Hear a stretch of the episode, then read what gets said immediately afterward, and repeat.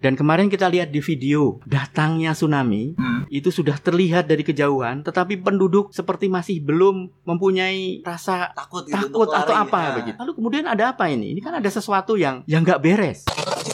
Kami menengarai bahwa jangan-jangan Iya. dengan adanya komponen vertikal, tsunami itu lebih terpicu oleh gerak-gerak vertikal atau turun Iya. sehingga memicu terjadinya tsunami. Oh. Oke, di episode 17 kali ini podcast Chalkes bakal ngebahas mengenai bencana tsunami di Palu dan Donggala di Sulawesi bareng Bapak Carlos Prasetyadi. Musik.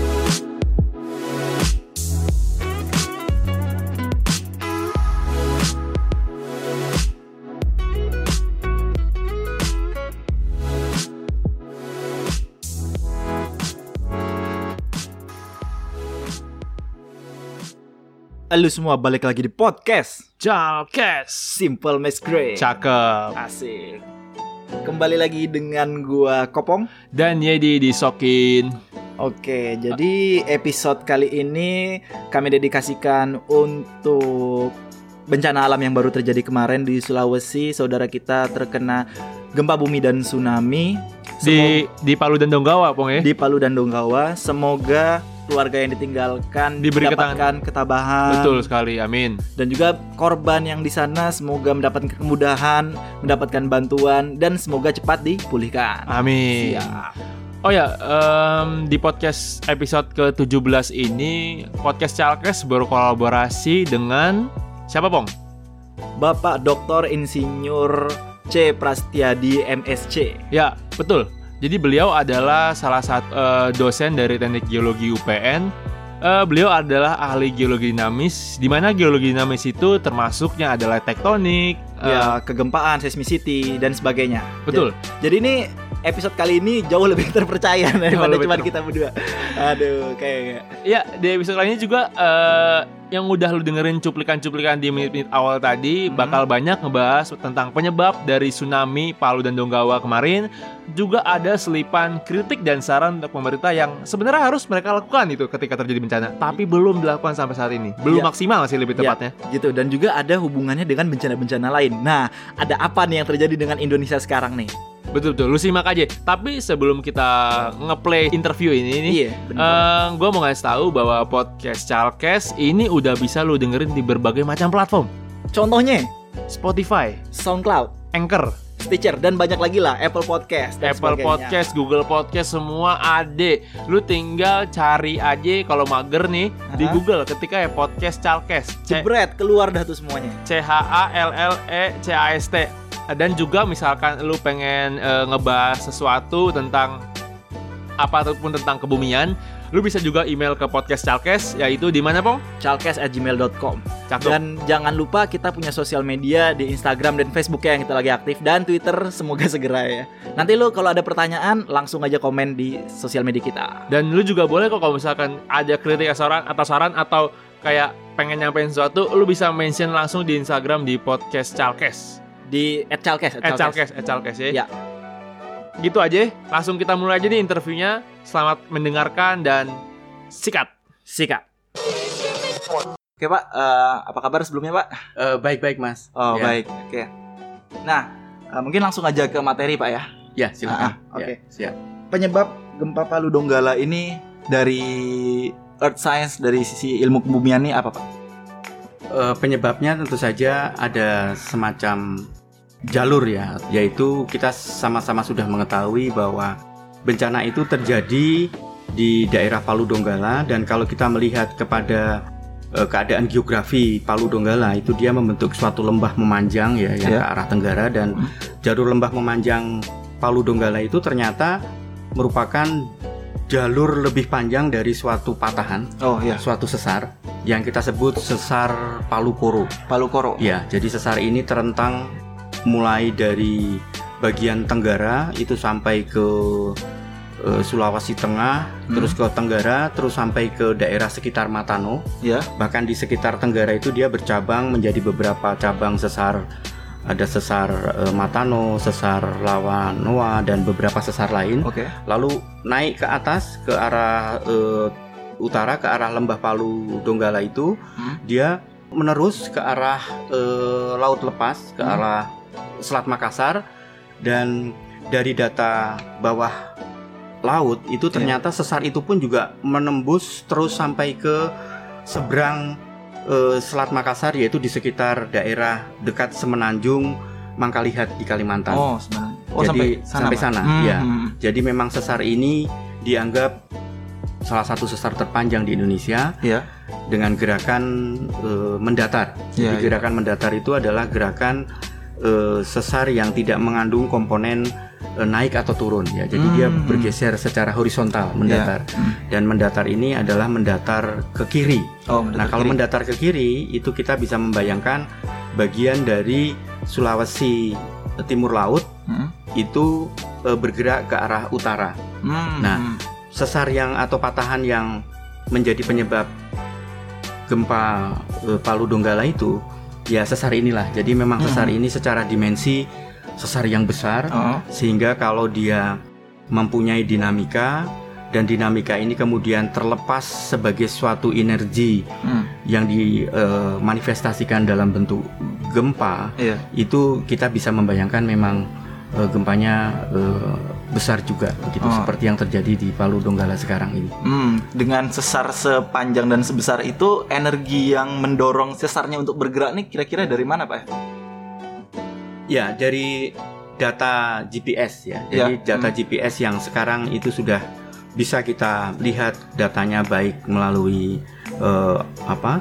eh, informasi terbuka Hmm. dari Google atau dari publikasi-publikasi itu bahwa berdasarkan pengukuran GPS Iya. itu eh, pergerakan eh, di kepulauan Indonesia Hmm. itu dibagi menjadi eh, berasosiasi dengan tiga gerak lempeng besar. Iya. Hmm.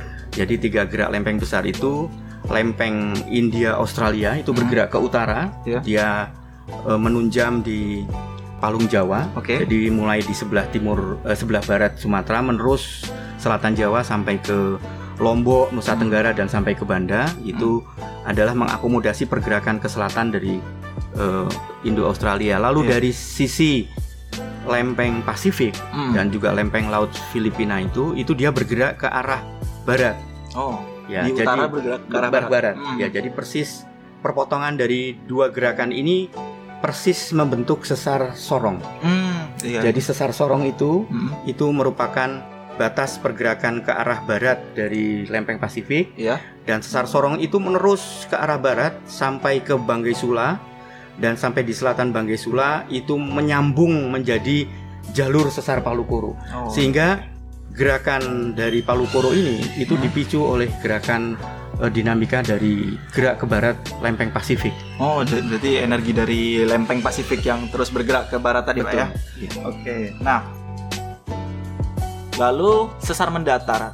Ternyata yang tidak diduga adalah menghasilkan tsunami, Pak, ternyata. Nah, ini ada penjelasannya, Pak. Ya, jadi memang betul kalau masyarakat selama ini banyak yang mengetahui bahwa sesar mendatar itu seperti tadi sudah saya singgung di depan bahwa sesar mendatar adalah sesar yang pergeserannya itu sangat kecil mengandung komponen gerak naik turun ya. Iya, benar. Padahal kalau kita berbicara tentang tsunami itu lebih kepada bagaimana volume air yang tiba-tiba harus berubah Hmm. itu dikontrol oleh adanya perubahan naik turun, Iya. perubahan vertikal Hmm. katakan begitu. Iya. Nah, perubahan vertikal ini memang tidak berasosiasi secara dominan di gerak sesar mendatar. Hmm, Lalu bagaimana? Nah, ternyata dengan dimensi sesar Palu Koro yang itu ratusan kilometer, Hmm. itu di sepanjang jalur-jalur ada tempat-tempat ya atau segmen-segmen Hmm. ya di mana gerak dari sesarnya itu tidak murni gerak mendatar tetapi mempunyai komponen sesar itu mungkin merencong ke kiri membelok atau gitu, membelok Pak, ya? begitu atau dia merencong atau membelok ke sisi yang lain Ah. sehingga dari kelokan-kelokan itu akan muncul dinamika naik dan turun. Oh, baik baik. Ya, jadi ada di dalam teori atau model sesar mendatar itu kalau dia kelokan itu menyebabkan tekanan Hmm. atau disebut transpression. Transpression. Trans itu adalah gejala lateral tapi dia mengandung tekanan, maka dia akan bisa mengakibatkan gejala naik. Iya. Gejala misalnya terbentuk lipatan-lipatan atau sembulan-sembulan gitu Hmm. atau pop up gitu Iya. ya. Dan di tempat lain di kelokan yang mempunyai konfigurasi atau segmen yang lain Iya. itu bisa terjadi sebaliknya Hmm, trans tension. transtension. Nah kalau regangan Hmm. berarti itu ada semacam daerah lemah yang menyebabkan terjadinya penurunan Hmm, hmm, atau gerak-gerak vertikal. Iya. Nah, seperti horse graben gitu, Betul. Ya? Jadi seperti graben-graben. Hmm. Jadi kami menengarai bahwa lembah Palu Koro itu dengan bentuk lembahnya.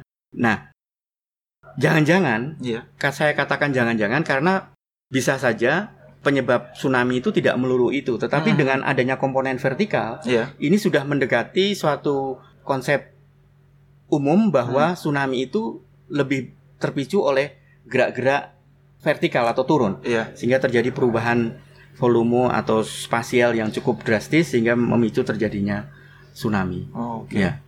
Namun ada pendapat ahli lain mengatakan bahwa di sebelah barat di selat itu kan ada bagian laut dalam dan itu ternyata saat terjadi gempa ada sedimen bawah laut yang dipindahkan gitu Pak ke laut yang lebih dalam atau kalau di geologi bahasanya arus turbit. Nah, itu apakah bisa memicu tsunami juga, Pak? Bisa. Hmm. Jadi kalau kita melihat bahwa nanti memang akan ada data seperti itu, Iya. berarti tsunami Donggala Palu Donggala ini Hmm. berarti pemicunya justru menjadi eh, multi multiple menjadi Hmm. ganda ya. Ya. Sudah dipicu oleh kemungkinan gerak turun Hmm. di tempat graben lembah Palu Donggala, Hmm. tapi di satu sisi dia juga menyebabkan runtuhan sehingga Oh, iya. itu yang mungkin juga tidak menutup kemungkinan bahwa jarak antara gempa dengan tsunami itu begitu dekat Iya, iya. iya. sehingga memang penyebabnya di samping kedekatan dengan sumber gempa tapi juga ada unsur-unsur tambahan baik terjadinya runtuhan bawah laut Hmm. ataupun eh, gerak-gerak Hmm. yang tadi saya sampaikan Iya. Dan juga ditambah lagi dengan morfologi pantainya, Morfologinya. Pak ya. Hmm. yang sangat apa namanya membentuk corong ya Oh, sehingga iya. Hmm.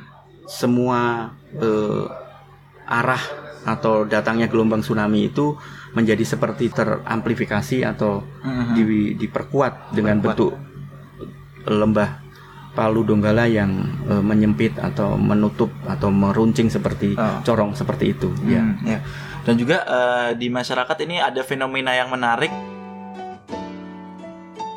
yaitu ada dataran atau daratan yang tiba-tiba hilang, terganti. Nah, dan penjelasan di berita itu kita dengar ada fenomena likuifaksi atau liquefaction. Nah, apa Pak yang sebenarnya terjadi pada likuifaksi? Kenapa terjadi saat gempa bumi terjadi, Pak? Betul. Hmm. Jadi eh, likuifaksi itu adalah suatu peristiwa di mana tanah atau soil atau eh, batuan yang belum terlalu padat betul itu mengalami tambahan eh, air. Iya. Nah, dari mana air itu? Air itu berasal dari bawah. Jadi dari bawah tanah begitu Hmm. air itu. Nah, kenapa bisa ada air dari bawah tanah? Karena eh, dengan goncangan atau dengan getaran gempa yang sangat besar, Hmm. maka struktur batuan atau struktur endapan Hmm. di daerah sekitar terjadinya gempa itu itu eh, dalam batas-batas tertentu memadat, hmm. memadat. Dengan goncangan kita bisa membayangkan kalau tadinya pori-porinya agak agak renggang Ah. begitu. Lalu dengan adanya goncangan itu maka pori-pori itu akan menjadi lebih lebih kompak ya menjadi lebih eh, ketat lebih terikat begitu. Lebih kompak sehingga air-air yang di antara sela-sela pori-pori itu menjadi terperas ke atas. Hmm, hmm, hmm. nah Karena adanya pemadatan. pemadatan tadi Iya. betul. Jadi betul kata itu pemadatan. Jadi dengan adanya goncangan pasir-pasir yang tadinya kurang padat menjadi padat. Hmm, hmm. nah keluar itu adalah ke atas ke atas ini menyebabkan lapisan tanah di bagian atas itu menjadi terencerkan atau Oh. menjadi liquid, menjadi lebih eh, apa namanya? lebih ya liquid ya, lebih Iya. cair begitu. Atau kayak lumpur gitu kayak Pak, ya? lumpur. Ah. Jadi terlumpurkan Iya. begitu. Nah, dengan dia berubah menjadi lumpur seperti itu, maka daya dukungnya akan hilang sama Hmm, sekali. Dan itu akan bisa yang lebih parah berubah menjadi sebuah sebuah aliran, sebuah gerakan Hmm. dan seperti kita ketahui memang gerakannya gerakan yang seperti eh, menggulung ya Iya. menuruni suatu lereng atau Hmm. suatu arah tertentu Hmm. itu yang yang yang eh, terjadi di di mana di di Palu Donggala mengenai likuifaksi itu. Oh, itu yang menyebabkan Iya. ada yang kebun berpindah. Kebun berpindah ya Ah. dan itu dari eh, apa informasi penduduk dalam berita-berita yang kita eh, terima melalui TV itu pergerakannya bisa sampai eh, ratusan meter ya. Iya. Ya, perpindahannya itu. Iya. Iya. Gimana lu yang pada nyimak nih? Udah mulai bingung belum? Daripada kita makin bingung, rehat sejenak. Kita dengerin insert dari berbagai podcaster Indonesia. Sekut, dengerin dah. Podcast. Simple next week. Terima kasih sudah menghubungi Telkomnet. Dengan Indah di sini bisa dibantu dengan namanya? Eh, nama saya Rane, Mbak. Baik, Pak Rane. Ini Pak Rane suaranya podcast? Iya. Aduh, Pak, saya itu ngefans banget loh, Pak. Kalau mau dengerin podcast-podcast yang lain di mana ya, Pak? Eh, ke suarane.org aja, Mbak. Baik, Pak. Terima kasih sudah menghubungi Telkomnet. Selamat siang. Eh, iya. eh, eh, halo? Halo? Halo?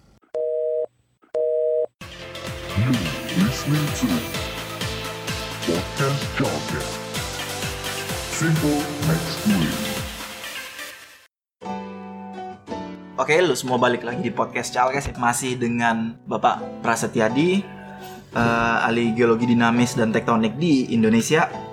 Eh, oke, lalu kita lanjutin Pak ya. Jadi gempa di Palu Donggala ini eh, terjadi nggak lama setelah gempa di Lombok. Nah, ini apakah berkaitan atau eh, kejadian yang terpisah Pak sebenarnya? Kalau dari sisi kejadian jelas jelas terpisah ya. Hmm. Kemudian kalau kita tadi sudah membicarakan bahwa eh, Indonesia itu secara tektonik itu dia terasosiasi dengan tiga gerak lempeng tadi. Iya. Ya. Jadi kalau melihat konfigurasi tektonik seperti itu, kelihatannya peristiwa-peristiwa eh, gempa Lombok, Iya. gempa Palu Donggala Hmm. itu secara tektonik itu terpisah Hmm. Karena asosiasi dari interaksi lempengnya pun juga dia mempunyai wilayah atau domain yang terpisah. Iya. Ada domain pergerakan lempeng Pasifik dan ada domain pergerakan lempeng eh, Indo Australia Iya. begitu. Ya. Oke.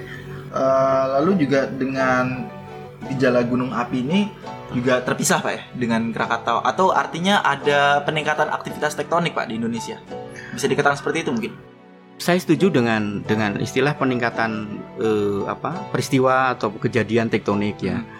Kenyataannya memang begitu. Katakanlah sejak 2004 ya kemudian sebelumnya juga ada gempa di Sumatera terutama kemudian ada 2006 di Hmm. Jogja kemudian ada 2005 sebelumnya Iya. di Hmm. Nias kemudian ada peristiwa di Padang gempa besar di Padang 2000 saya lupa itu 2009 jadi saya ingin mengatakan bahwa periode tahun 2000-an Hmm. ya 2000-an itu memang eh, kita melihat gejala atau dinamika terjadinya gempa seismicity ya kegiatan seismisitas wilayah Indonesia itu memang meningkat Iya, gitu ya benar.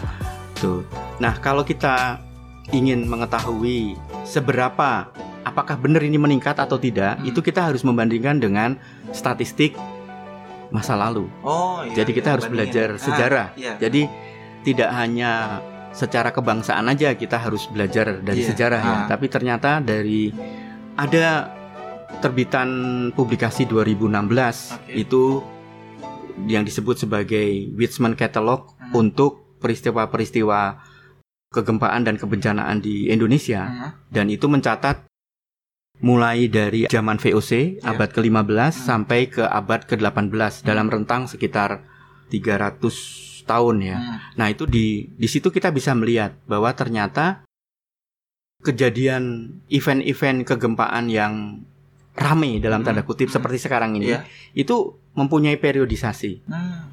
Jadi katakanlah kalau sedang rame itu kita sebut sebagai periode bangun gitu ya oh ha. Periode eh, bangun atau eh, Aktif. aktif, Iya. gitu ya. Lalu nanti ada periode tidur Hmm. atau dia kurang aktif begitu Iya. ya. Nah, itu kita bisa lihat bahwa grafik dari tahun 1500 1800 kemudian 1900 tahun 2000 Ya. itu bisa dikatakan sekarang ini memang sedang masa bangun aktif. Iya, Jadi dan itu mempunyai eh, jarak antara yang aktif dengan satu dengan yang lain itu bisa sampai sekitar 40 sampai 50 tahun. Oh, jadi ada siklusnya gitu pak. Kadang Iya, aktif, kadang Betul, tidak. Oh, ada keterulangannya. Berarti Betul. sekarang ini emang lagi aktif atau lagi bangun Iya, pak? sedang bangun, sedang Hmm, Berarti sebenarnya ini gejala normal gitu pak. Emang hakikat alamnya seperti begitu. ini. Iya, kalau kita belajar dari sejarah tadi, ah, ya kita memang sedang di saat-saat seperti itu. Di Iya. saat-saat kalau kita belajar dari sejarah, kita sedang di saat-saat bangun, hmm, di saat-saat aktif gitu. Iya, iya. Sehingga ya dari sinilah kita sebetulnya kemudian harus memutuskan Iya. kita harus bertindak apa, Hmm. harus harus seperti apalah begitu. Oh, Iya. oke. Ya. Terutama nih Pak, untuk yang lagi mendengarkan nih kan eh, kebanyakan nih anak muda, pemuda-pemuda. Nah, dengan Indonesia ini yang ternyata sedang aktif eh, menyebabkan banyak bencana alam yang terjadi, kita harus bagaimana Pak? Oke. Bapak. Oh, Sebelum saya menjawab pertanyaan yang sangat menarik dan Hmm. sangat penting itu, Iya. saya ingin ingin sedikit mundur sebentar ya. Hmm, hmm. Jadi begini, peristiwa bahwa tadi saya bilang ada peristiwa bangun, Hmm. peristiwa tidur, Hmm. aktif tidak Hmm. aktif, ya, ya begitulah cara bumi kita itu bekerja. Oke. Itu itu sesuatu yang menurut saya kita harus terima itu. Iya. Dan itu tidak ada perubahan yang drastis. Hmm. Jadi sejak katakanlah 100 atau 500 tahun yang lalu, Iya. intensitinya ya seperti itu, dinamikanya seperti itu. Hmm, Lalu sebetulnya apa yang berubah? Yang berubah itu adalah ya kita-kita ini. hmm, Saya punya data hmm, peta populasi penduduk hmm. itu bahwa wilayah yang paling merah, Iya. ya kan? Jadi kalau kita warnai populasi penduduk itu dengan warna merah, Hmm. maka wilayah yang paling merah itu adalah Pulau Jawa. Oh. Dan kalau dicatat Hmm. warna merah yang tadi berkembang dari warna kuning ke merah Hmm. itu tahun atau 100 tahun yang lalu itu populasinya berkembang 5 sampai 9 kali lebih banyak Manusianya ya? manusianya. Hah. Nah, berarti kalau penduduknya semakin berlipat sementara intensitas gempanya seperti yang tadi kita sampaikan, Hmm. berarti kan risikonya juga makin berlipat-lipat. Hmm, hmm. Yang Jadi- terdampak makin banyak. Makin banyak karena urusan kebencanaan ini kan urusan kita sebetulnya. Iya. hah. urusan kita menyelamatkan diri, urusan korban manusia dan sebagainya, kerugian Iya. manusia, Hmm. ya kan? Jadi eh, dengan warna semakin merah itu, itu sebetulnya risikonya semakin besar. Hmm. Terlepas bahwa gempanya itu atau intensitasnya seperti apa. Iya. Nah, tadi kita sebagai pemuda ini harus ngapain? Nah, Pak? Jadi kemudian kita sebagai pemuda itu ya satu Hmm. menurut saya kita harus paham bahwa kita hidup di sebuah wilayah yang Hmm. mempunyai dinamika seperti yang tadi saya sampaikan. Iya. Ya kan, ada Hmm. intensitas aktif, periode aktif, periode non aktif Iya. yang kemudian itu bisa berselang sekitar 5-60 tahun. Kita punya statistik lah. Iya. Datanya ada. Ada tanya ada. Kita bisa belajar dari situ. Hmm. Nah, kemudian eh, kalau kita mampu belajar, kita mampu mengerti, tapi kita juga harus bisa mengetahui kenapa ya misalnya di Jepang itu waktu tsunami yang sebesar Aceh Hmm. itu korbannya hanya 20.000 ribu. Iya, iya. Saya katakan saya tidak bisa bilang sedikit atau banyak. Hmm. Dua orang pun atau berapa orang pun itu juga sudah Korban. Hah. Tapi kita kita bermain angka sebentar, Iya. 20.000 ribu. Sementara waktu kita di Aceh, Hmm. korban kita adalah 200.000 ribu. Iya, iya. Dan kemarin kita lihat di video betapa kita itu nggak bisa berbuat apa-apa. Hmm. Ketika kita melihat video di Palu Donggala itu, kita bisa lihat karena video itu diambil dari ketinggian. Datangnya tsunami itu sudah terlihat dari kejauhan, tetapi penduduk seperti masih belum mempunyai rasa. Takut gitu Takut atau lari. apa Nah, begitu. Iya, Lalu kemudian ada apa ini? Ini kan ada sesuatu yang yang nggak beres. iya. iya, benar. Nah itulah yang menyebabkan kita ini masih memiliki korban yang luar biasa dibandingkan negara-negara seperti Jepang. Negara artinya apa? Berarti tingkat pengetahuan atau Hmm. kompetensi masyarakat kita itu Hmm. itu juga perlu kita bantu untuk kita Iya. tingkatkan. Kita sebagai anak muda kita harus jadi pelopor. Iya. Kita harus tahu itu masalah itu. Kita harus sadar betul. Hmm. Tapi ini juga jangan untuk kita saja. Hmm. Jangan untuk keluarga kita, jangan untuk sekitar kita. Tapi Iya. kita juga harus bisa merengkuh seluas-luasnya Hmm. apa yang bisa kita perbuat untuk untuk eh, saudara-saudara kita yang terpapar oleh kemungkinan risiko rawan bencana tadi Iya. begitu. Dan Ya. juga eh, edukasi mitigasi itu juga penting sekali Betul. Pak. ya? Yang saya maksud itu tadi. Jadi Hmm. kita harus terus-menerus melakukan mitigation. Jadi kalau saya boleh sampaikan, Iya. itu ada judul lagu yang sangat terkenal Waduh, dari eh, Simon and Garfunkel. Asik. itu judul lagunya Bridges Over Troubled Water. Waduh. Tentang apa tuh Pak lagunya Pak? Nah, jadi lagu itu me- menggambarkan bagaimana kesulitan kita itu Hmm. itu memang ada kesulitan yang kita tidak bisa mengatasi. Iya. Dalam hal ini apa? Ya kita itu tinggal di wilayah bencana. Hmm, benar sekali Pak. Jadi the trouble waternya itu itu. Hmm. Lalu untuk mengatasi itu kita tidak harus mengatasi atau membuat itu menjadi hilang trouble Iya. waternya. Hmm. Satu-satunya jalan ya kita harus membuat bridges bridges. Oh, jembatannya itu. Iya. Nah anak muda itu harus jadi the bridges itu. Oke, udah harus jadi jembatannya. Oke. Menarik sekali Pak pembicaraan podcast Chalkes kali ini menjadi sangat apa ya dinamis gitu. Terima kasih sekali kepada Pak Cepras. Sama-sama, Ada kata-kata Rian. ini Pak, kata-kata untuk penutup lah gitu. Satu dua kalimat. Ya, penutup dari saya adalah bahwa menurut saya kita mendapat berkah atau dikaruniai justru tinggal di Indonesia. Hmm. Karena kita adalah akan menjadi bangsa atau orang atau apa pun kita yang lebih kuat, lebih eh, tabah, Hmm. lebih punya kewaspadaan yang tinggi di satu sisi, tapi kita juga bisa akibatnya juga bisa menghargai alam dan sebagainya. Mudah-mudahan kita yang tinggal di Indonesia itu menjadi eh, orang atau manusia yang lebih kuat, ya, lebih tabah, Hmm. pantang menyerah dan kita akhirnya bisa survive dan bisa lebih baik ke depannya. Gitu. Oke.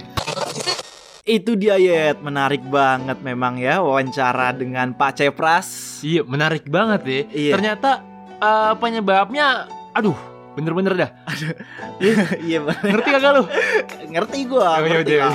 iya iya ya guys, Ya. semoga eh, yang tadi disampaikan semua bermanfaat ya buat lu yang lagi nyimak nih. Amin. Dan juga terima kasih banyak kepada Bapak C. Prasetyadi untuk telah datang eh, hadir ke podcast Charkes episode ke-17 untuk ngebahas masalah genting ini nih. Iya, dan suatu kebanggaan juga buat podcast Chalkes bisa berkolaborasi dengan Bapak gitu. Iya betul, terima kasih banyak dan semoga yang tadi seperti Kopom bilang Hmm. podcast episode Chalkes episode ke-17 kali ini tentang bencana Palu Nunggawa bisa menginspirasi kita semua Sebagai anak muda terutama, untuk lebih tanggap soal bencana nih. Yoir. Nggak peduli profesi lu apaan, kerjaan lu apaan, dan namanya bencana kita semua sama. Sama-sama bisa jadi korban. Iya, dan juga bisa mengedukasi sama. Mantep. Mantap. Udah, Udah, pokoknya gitu aja. Terima kasih banyak. Tungguin podcast Chalkes episode ke-18. selanjutnya. Gua Kopong cabut. Dan gua jadi pamit. Bye.